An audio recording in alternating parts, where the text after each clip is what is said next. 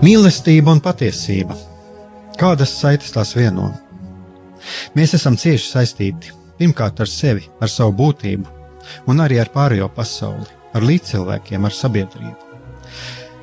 Kur ir mūsu vieta šajā pasaulē? Kā mums katram atrast savu patieso aicinājumu un vietu? Kā sasniegt savas dzīves piepildījumu, mīlestību?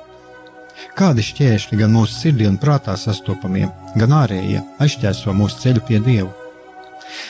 Šie jautājumi ir mūsu dzīves sastāvdaļa, svarīgi mūsu ceļā uz svētumu. Meklēsim šajā raidījumā kopā atbildes uz šiem jautājumiem. Ieklausīsimies, ko Dievs mums vēlas pateikt ar visu, ko sastopam savā dzīvē. Lai mūsu sirds un prāti atveras mīlestībai un patiesībai, raidījums mīliet cits citu.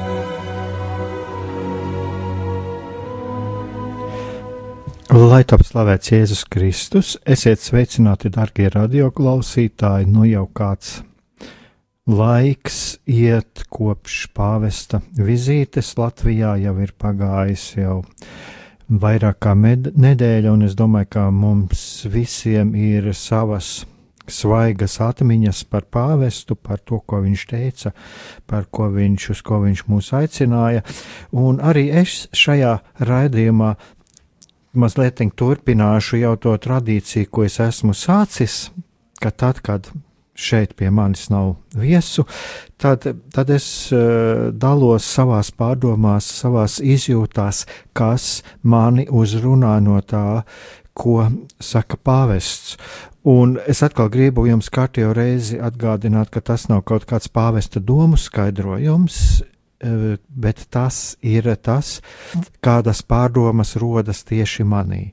Jo visbūtiskākais, es domāju, ka mums katram ir gan lasot svētos rakstus, gan lasot uh, kādu tekstus, ko mums sniedz baznīcas autoritātes, kas ir baznīcas maģistērija apstiprināti, eh, ieklausoties sprediķos.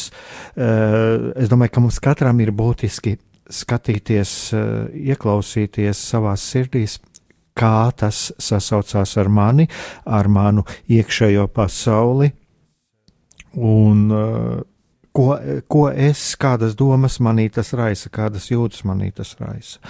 Un uh, tāpēc arī mm, nav mums jāsatraucas, ja kādreiz mums satiekoties kaut kur kopā, esot kādā kopienā, ja mēs eh, kas esam dzirdējuši vai lasījuši vienu tekstu, mums ir dažādas izjūtas, mums raisa dažādas domas, jo mēs katrs esam unikāls, mēs esam katrs radīts īpaši, Dievs mūs ir radījis katru īpašu, mums katram ir sava pieredze, mums katram ir kaut kas, kas mums iekšā sāp, kas mūs satrauc, katram ir kaut kas, kas mūs arī iepriecina, un, protams, ka mums katram tas ir kaut kas savs, kaut kas īpašs un ar kaut ko īpašu arī atšķirīgs. Un eh, tāpēc es jums vēlos uzsvērt, ka šeit nav nekādā gadījumā es necenšos skaidrot pāvesta domas, lai gan eh, vairāk vai mazāk arī šajos raidījumos nāk kaut kas tāds, kā es izprotu to, ko to, ko pāvests saka, un tas arī, es domāju, ka arī ļoti svarīgi, lai mēs tiešām būtu patiesi un neliekuļotu, bet šajā gadījumā tiešām tas ir mans, mans subjektīvais viedoklis, un, un atliek tikai uh, lūgties un cerēt, ka tur ir arī svētā gara klātbūtne.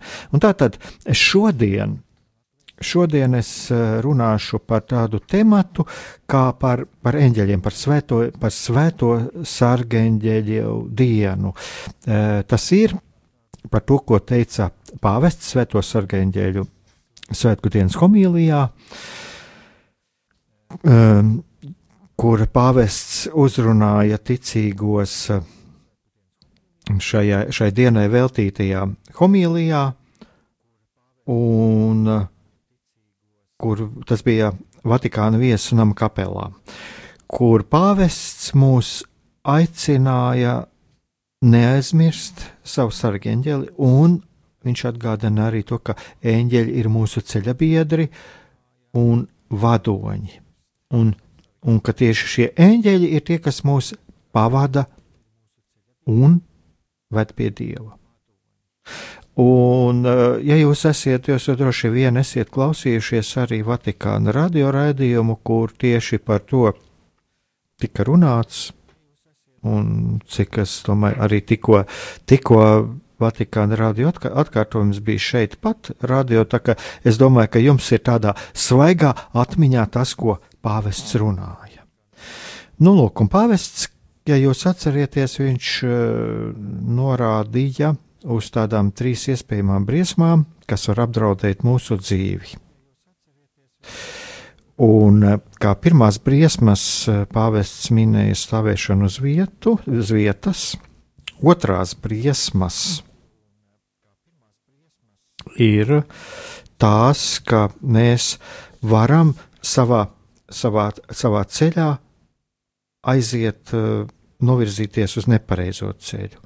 Un trešais ir um, tas, ka mēs varam pamest savu iesākto ceļu un sākt mētāties pa savu dzīvi.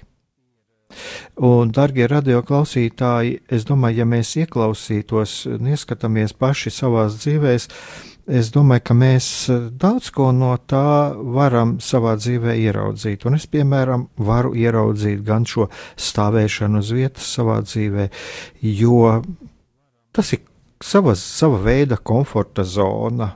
Un reizēm tā komforts, šis komforta zona, viņa pat sagādā ciešanas, bet turēšanās pie ciešanām un pie šīm ciešanu izjūtām jau arī pēc būtības ir komforta zona, jo tā, mm, tas savā ziņā attaisno manu pasivitāti.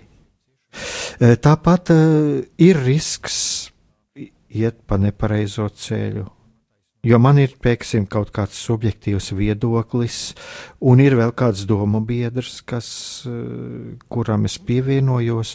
Un šajā gadījumā var gadīties, ka, piemēram, es meklēju nevis patiesību, kādu viņi objektīvi, bet eh, meklēju informācijas laukā to, tos viedokļus, tos vārdus, kas saskana ar manu viedokli baidīdamies uh, ieskatīties patiesībai acīs un baidīdamies mainīt savu viedokli. Un uh, kā ir arī iesāktā ceļa pamešana. Es tiešām varu pamest savu iesākto ceļu, jo saskaroties ar kaut kādām grūtībām, Es varu pamest savu iesākto ceļu, naivā, nepamatotā cerībā, ka, ka ejot kādu citu ceļu, ka man šo grūtību nebūs. Un tā es varu mētāties visu dzīvi, meklēt savu aicinājumu, iet eh, no vienas darbības pie otras, un patiesībā, kā, kā arī pāvests to saka, mētāties kā par labirintu. Un, lūk, un šeit šis neviens no šādiem ceļiem, ne šī stāvēšana uz vietas, ne šīs ceļš, kurš izrādās nepareizais, ne arī šī mētāšanās, kas bieži vien var no ārpuses varbūt izskatīties ļoti aktīva darbība. Patiesībā tas nav neviens ceļš, neviens no šiem ceļiem neved pie dieva.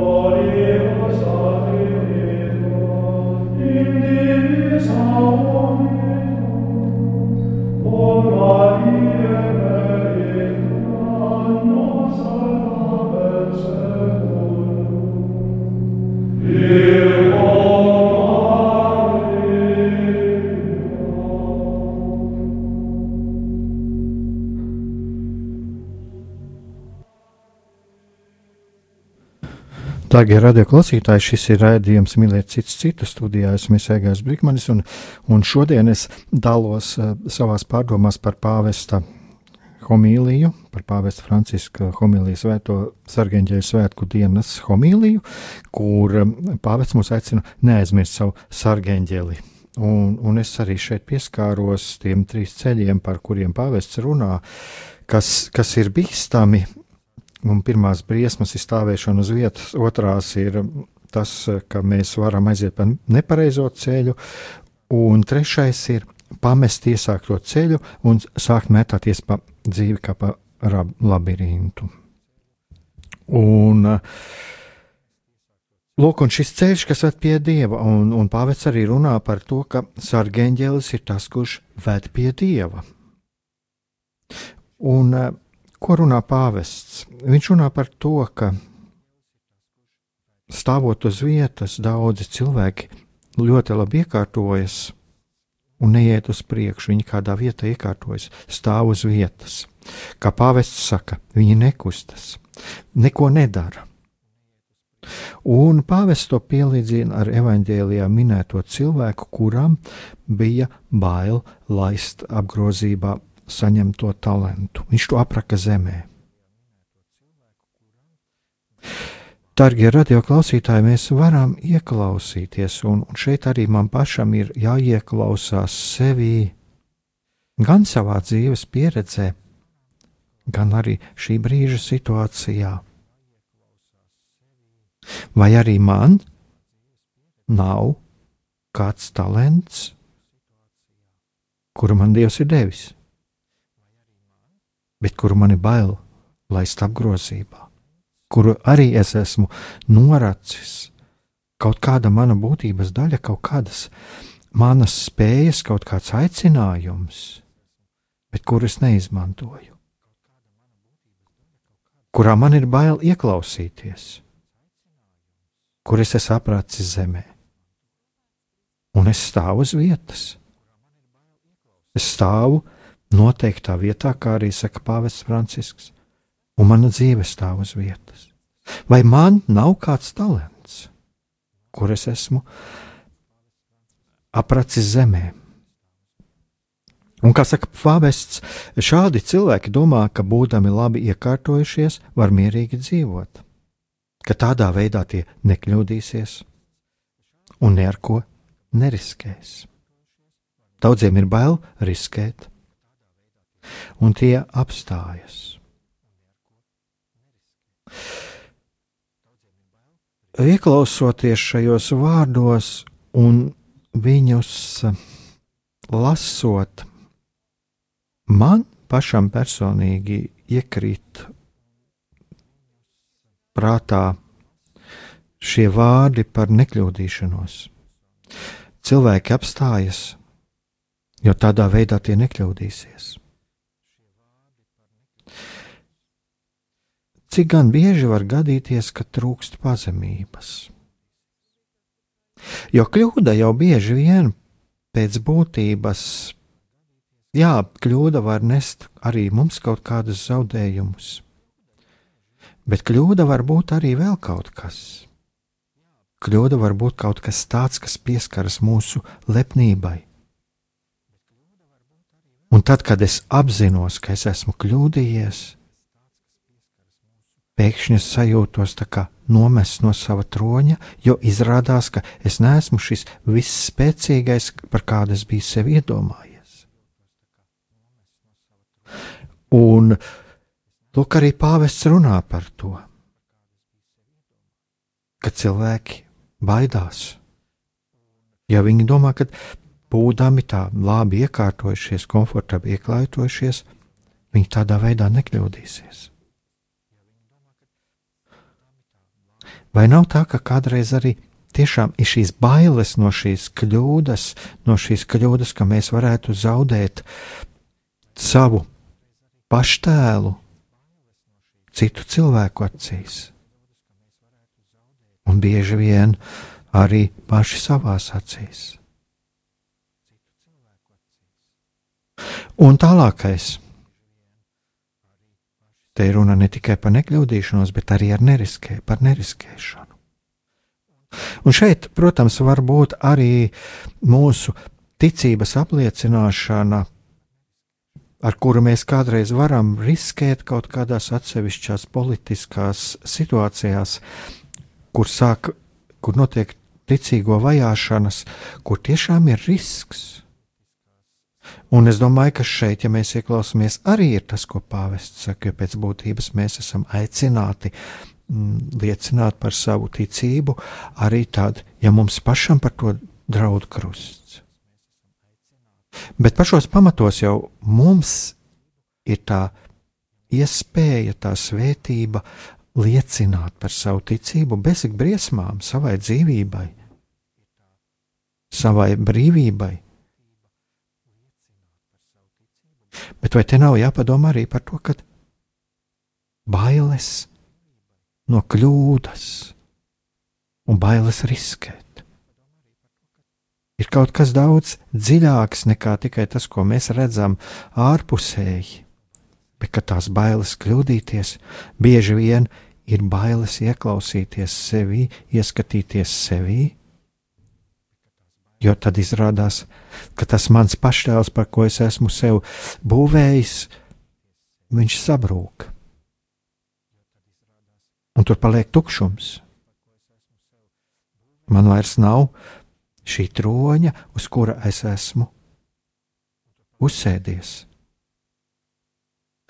Un tāpēc, kā saka pāvests, daudziem ir bail riskēt, un tie apstājas.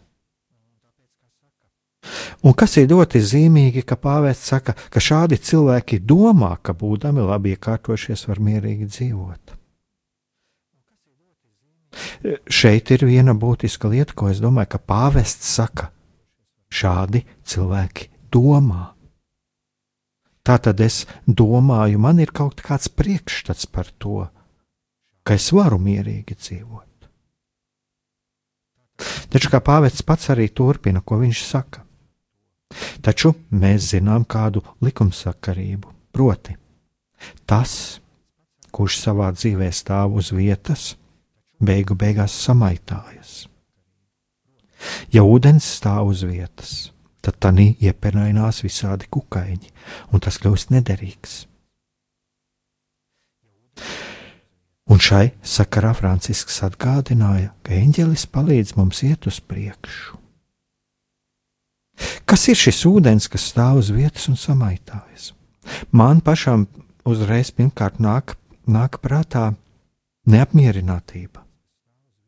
Kad vairs nav manī šī prieka, tā prieka, ko, dod, ko, mēs, ko es saņemu no, no dieva. Iepirinās kukaiņi, iepirinās dažādas domas, dažādi kārdinājumi, iepirinās īgnums dusmas, neapmierinātība. Jo tas ūdens stāv uz vietas, kaut kas ir noslēdzis šo manu avotu, to avotu, kas nāk no dieva. Bet ko saka pāvests? Pāvests atgādina, ka eņģelis mums palīdz iet uz priekšu. Nu, kas tad ir tas eņģelis, kurš palīdz un kādā veidā viņš palīdz?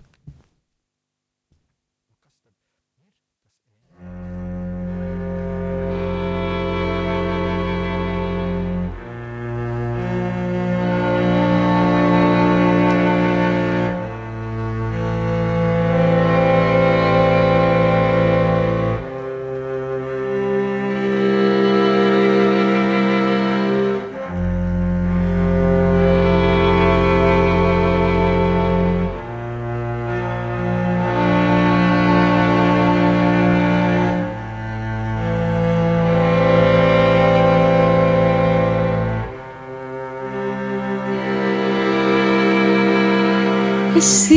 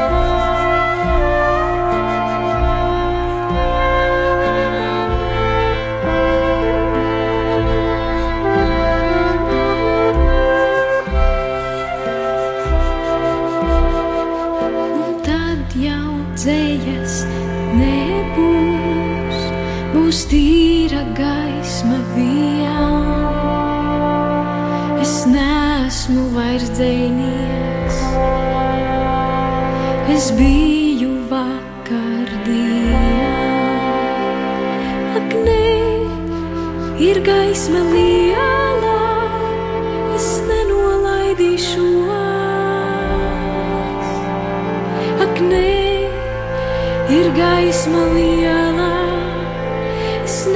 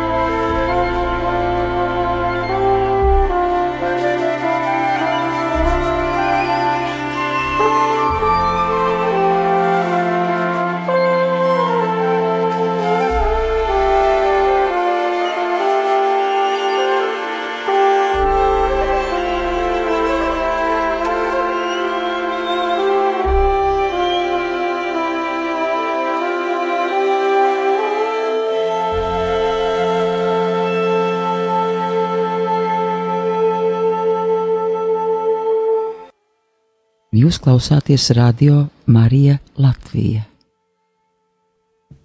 Darbie radioklausītāji, šis ir raidījums Mīliet cits citu. Studijā esmu es Aigās Brikmanis, un šodien es dalos savās pārdomās par to, kas mani uzrunāja, kas man uzrunāja mm, klausoties un lasot uh, pāvesta Franciska homīliju, ko viņš teica Svēto eņģeļu svētku dienā.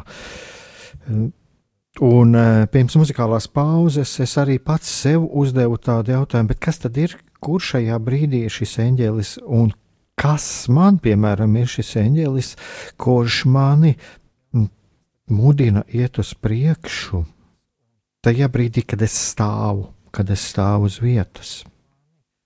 Un man uzreiz nāk prātā tas nemieris.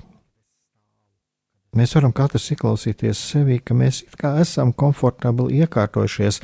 Mūsos liekas, ka mums viss ir kārtībā. Bet mums, mums kaut kāds nemieris, kaut kas, kas mums liek celties un iet. Varbūt mēs nezinām, varbūt es nezinu, uz ko mani tajā brīdī tieši konkrēti, kur man jāiet. Bet kaut kas ir, kas man aicina iet. Un kā jau runāju, es arī šeit pieminēju to, ko arī pāvests runā. Varbūt es zinu, es sajūtu kaut ko, kaut ko, ko es esmu noracis no savas būtības, ko es neesmu izmantojis. Nesmu uzdrošinājies. Un kaut kas man urda, virza tajā virzienā un saka, ej, celies, izmanto to, ko Dievs tev ir devis. Tikpat labi tas varētu būt kāds labs cilvēks, kāds draugs, kas man ir blakus, kas man ir blakus un kas mani uzmudina.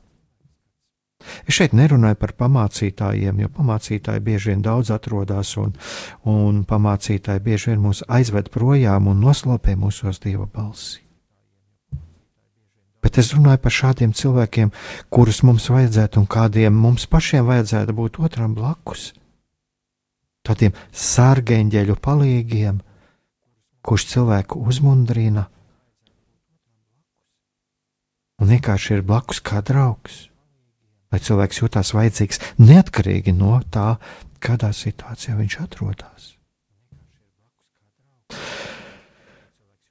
Un lūk, tā tagad es vēlos pievērsties arī šim otrajam ceļam, par ko pāvests runā, Viņš runā par to, ka otrais risks, ar ko savā dzīvē varam saskarties, ir risks aiziet pa nepareizo ceļu. Un es domāju, ka šeit mums katram arī būtu ļoti svarīgi ieklausīties, jo es pats no savas pagātnes atceros, cik daudz man nācies maldīties, bet arī lai tas mūs nebaida, lai tas mūs nebiedē. Jo šeit pat nav runa par kaut kādām morāliski nepieņemamām lietām, tik daudz, kas, kas, protams, var arī notikt, kad mēs esam saņēmuši kaut kādus ievainojumus, un mēs esam tik dziļi iekšā sevī, ka mums vairs eh, ir pazudušas šīs morālās robežas, un ka mēs esam aizgājuši pavisam projām no dieva jau acīm redzamā morālā pārkāpumā.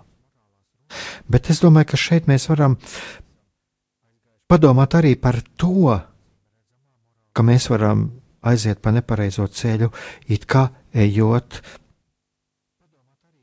morāli pieņemamu ceļu, kur atkal no vienas puses var būt kaut kas morāli pieņemams, bet kas patiesībā nav mūsu īstais aicinājums, bet mūsu vilinājums ir kaut kāds cits. Status, vai kaut kas tāds, kur pašos pamatos varbūt ir nepareizs priekšstats vai lepnība, no kā arī pāvests ir brīdinājis baznīcā. Bet otrs, kas ir arī sevišķi ņemot, tā kā tagad arī šis priekšvēlēšana laiks, ka mēs varam aiziet pa nepareizo ceļu, tāpēc, kad mums kāds kaut ko sola, ārēji kristīgas lietas. Bet vai mēs paskatāmies apakšā, kas stāv aiz šī solījuma? Un vēl viena lieta, kur mēs varam aiziet pa nepareizo ceļu, tas ir mans subjektīvais viedoklis. Kad es gan skvētajos rakstos, gan arī kādos citos tekstos meklēju nevis to patiesību, kāda viņa ir, kad es vēlos nevis tuvināties patiesībai, bet es meklēju to un tulkoju to tā, lai es apstiprinātu savu viedokli. Un cik gan bieži mēs neesam krituši, varbūt tieši šajos punktos, ka man ir kaut kāds priekšstats par to, kā ir pareizi, kā ir pareizi manā garīgajā dzīvē, kā ir pareizi cilvēku garīgajā dzīvē, kā būtu jāizvedās baznīcā, kā būtu jāuzvedās sabiedrībā. Bet es neesmu gatavs mainīt savu viedokli tad, ja pēkšņi izrādīsies, ka es esmu maldījies. Un tad es eju šo nepareizo ceļu, varbūt pat kādā brīdī vicinādams Bībeli un atsaukdamies uz svētajiem rakstiem, bet patiesībā es eju projām no Dieva. Tad, tad cik ļoti svarīgi ir paskatīties, ieklausīties savā sirdī no vienas puses, no otras puses arī paskatīties, vai tas, kā es domāju, Vai tas, kā es redzu lietas, vai tā kā es skatos uz sevi un cilvēkiem, vai tas atbilst patiesībai? Un varbūt aiz šī ārēji kristīgā veidola slēpjas kaut kas pavisam cits. Un šis trešais ceļš, kuru brīdina pāvests, tas ir, kā jau es pieminējos, tas ir pamest iesākto ceļu. Jo, protams, kā jau jūs dzirdējāt, Mēs varam mainīt savu ceļu, ja mēs saprotam, ka tas ir nepareizs, ja mēs saprotam, ka mēs maldāmies, vai varbūt var mums katram dzīvē gadīties tā, ka kaut kāds, ko mēs esam gājuši, ka tas īsti neatbilst mūsu aicinājumam, un mēs pameklējam šo ceļu kaut kur citur. Bet šeit ir kaut kas cits, par ko pāvests runā. Pāvests runā par šo mētāšanos, mētāties pa dzīvi kā par labirintu. Vai šeit arī nav kaut kas no tā, ka mēs patiesībā neieklausāmies sevi, ka es neieklausos sevi, es neieklausos sevi un baidos varbūt atzīt, ka šis ceļš, par kuru es eju, ir nepareizs, un tas varētu būt pareizs, un es sajūtu neapmierinātību. Un es nevienā lietā īsti neiedziļinādamies, meklēju ārējas apmierinājumus. Es meklēju ārējas apmierinājumus, eju no vienas kopienas pie, otru, pie otras. Pat dzīvē es varu mainīt darbus, un savā ziņā arī nespēju nodibināt laulību un seksuālo partneru maiņa.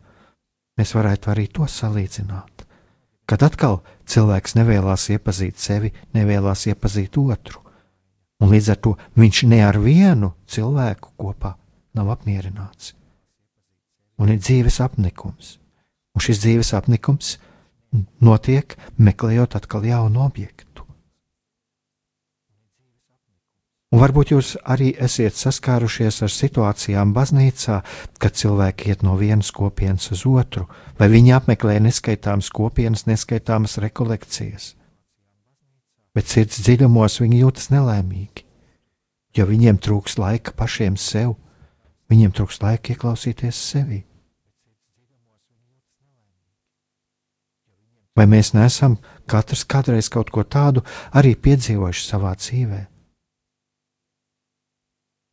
Šo metāšanos, metāšanos no viena objekta pie otra, no, viena, no vienas kopienas uz otru, Un es pats zinu cilvēkus, kuri ir gājuši no vienas konfesijas uz otru. Un nevienā viņi nejūtās laimīgi. Kāpēc? Vai te atkal nav jāatgriežas pie tā, ka patiesībā es baidos ieklausīties savā sirdī, ieklausīties, kas tad ir tas mans talants, caur kuru es tiešām piedzīvošu piepildījumu savā dzīvēm. Un te atkal pāvests runā par to, ka tāpēc mums ir dots eņģelis, kurš palīdz noturēties uz pareizā ceļa. Bet, kā uzsvēra pāvests, mums no savas puses ir jālūdz viņa palīdzība. Un kungs saka, ņem vērā viņu un klausī viņa balsī. Eņģelis ir autoritāte, nesacelies pret viņu. Iedvesmas, ko mēs saņemam caur eņģeli, ir svētā gara iedvesmas. Mēs ļoti daudz runājam par svēto garu, tiek piesaukts svētais gars. Padomāsim, vai piesaucot svēto garu, mēs arī nerunājam ar savu eņģeli.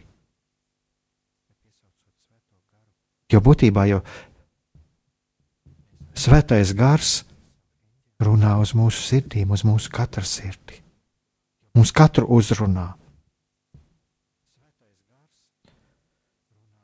Un cik daudz mēs esam savā dzīvē lūguši pēc šī padoma? Cik daudz mēs esam izvērtējuši savu dzīvi, savu ikdienu, savu nedēļu, kā mēs esam rīkojušies, kā mēs esam jutušies. Un vai tas nemieris, ko mēs reizēm sajūtam, vai arī tas prieks, ko mēs sajūtam par to, ko mēs esam piedzīvojuši, vai par to, ko mēs plānojam savā nākotnē, vai tas nav arī kādreiz tas, kas mums nāk no mūsu sargeņģeļa, mūsu sargeņģeļa, mums dotais signāls.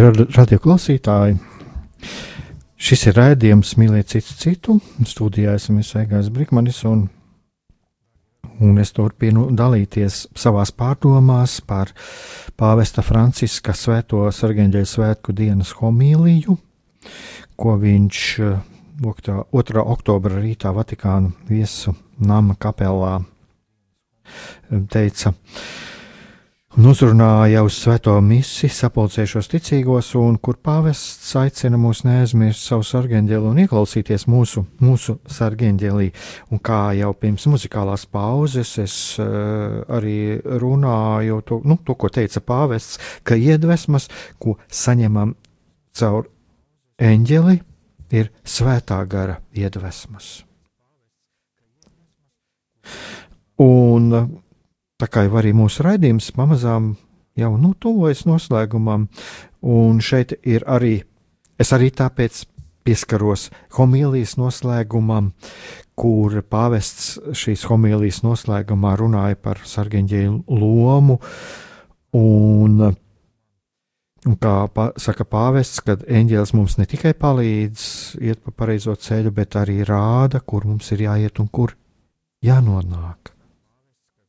Un atsaucoties uz eh, šīs eh, vakardienas evaņģēlīju, pāvests arī runāja par to, lūk, viņš citē evaņģēlīju.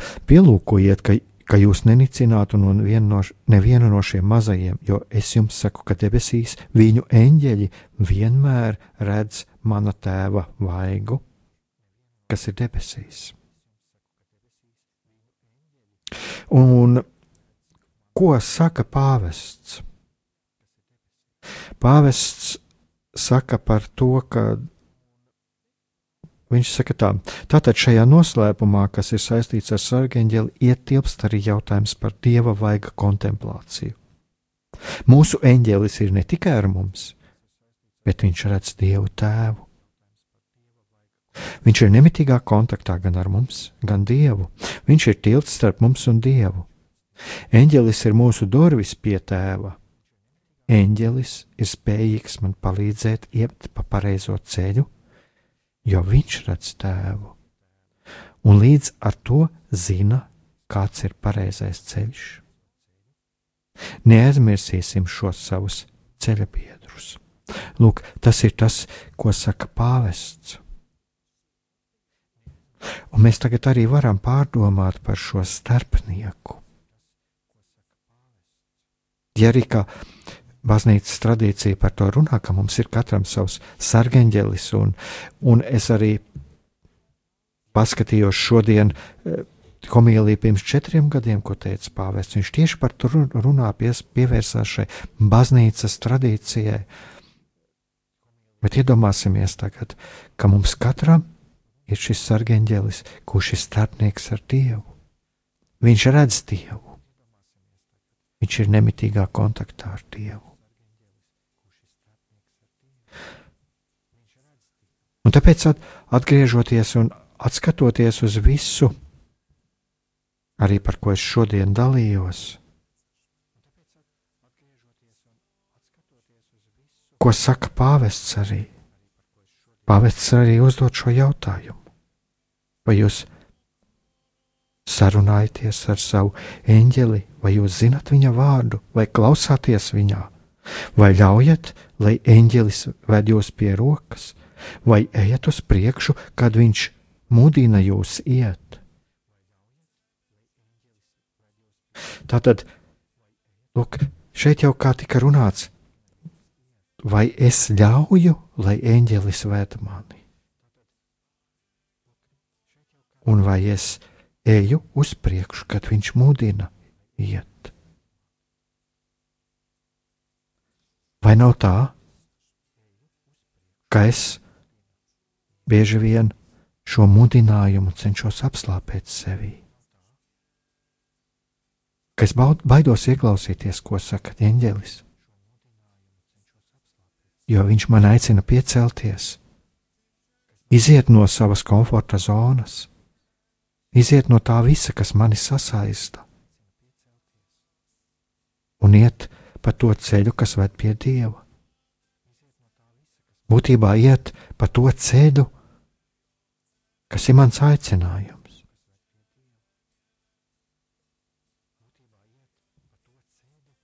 Darbie radioklausītāji, šis ir. Es domāju, šeit ir ļoti svarīgi ieklausīties. Censties ieklausīties, kas ir tas, kas manā sirdī runā,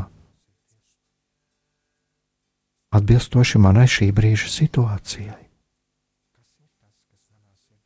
atbilstoši tam, ko es objektīvi ņemot, spēju veikt. Es zinu, ka tie nav nekādi lielie, dižie varoņdarbi. Bet tas ir mūsu pašu dzīvē. Mūsu pašu dzīvē, mūsu pašu dzīves klusumā, bieži vien mūsu pašu ikdienā. Ir mūsu ceļš, kurš mūs aicina iet pretī mūsu pilnībai. Tam, uz ko Dievs mūs aicina, pa to ceļu, kas mūs ved pie Dieva, atrast savu talantu, atrast to, kas mūsos ir apslēpts, ko varbūt mēs esam norakuši, drosmīgi, drosmīgi iet nebaidoties no paklupieniem, nebaidoties riskēt, nebaidoties no kļūdām. Bet iet tā, lai viss, ko mēs savā ceļā piedzīvojam, pat kļūdas, māca mūs būt pazemīgiem un kļūst mūs par dāvanām. Ieklausīsimies, ieklausīsimies katrs, katru dienu, katru brīdi. Vai eņģēlis uz mūsu uz kaut ko neaicina, ko viņš mūs aicina, no kā viņš mūs vēlās pasargāt? Un par kādu ceļu viņš mūs vēlās vest. Ieklausīsimies, lai mēs tiešām piedzīvotu to pilnību, kuru mums Dievs vēlas pasniegt. To pilnību, kurā mēs varam piedzīvot īsto patieso mīlestību, laimi un prieku.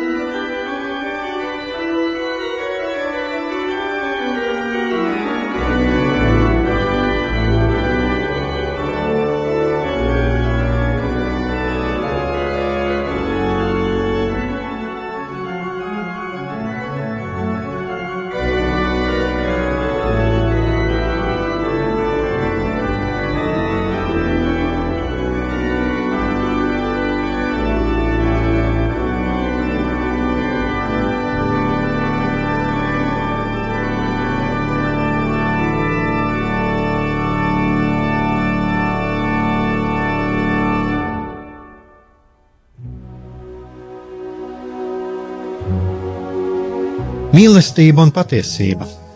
Kādas saites tās vieno? Mēs esam cieši saistīti pirmkārt ar sevi, ar savu būtību, un arī ar pārējo pasauli, ar līdzcilvēkiem, ar sabiedrību. Kur ir mūsu vieta šajā pasaulē? Kā mums katram atrast savu patieso aicinājumu un vietu? Kā sasniegt savas dzīves piepildījumu, mīlestību? Kādi šķēršļi gan mūsu sirdī un prātā sastopamie, gan ārējie aizķēso mūsu ceļu pie Dieva? Šie jautājumi ir mūsu dzīves sastāvdaļa, svarīgi mūsu ceļā uz svētumu. Meklēsim šajā raidījumā kopā atbildes uz šiem jautājumiem. Ieklausīsimies, ko Dievs mums vēlas pateikt ar visu, ko sastopam savā dzīvē. Lai mūsu sirds un prāti atveras mīlestībai un patiesībai, raidījums mīliet citu citu.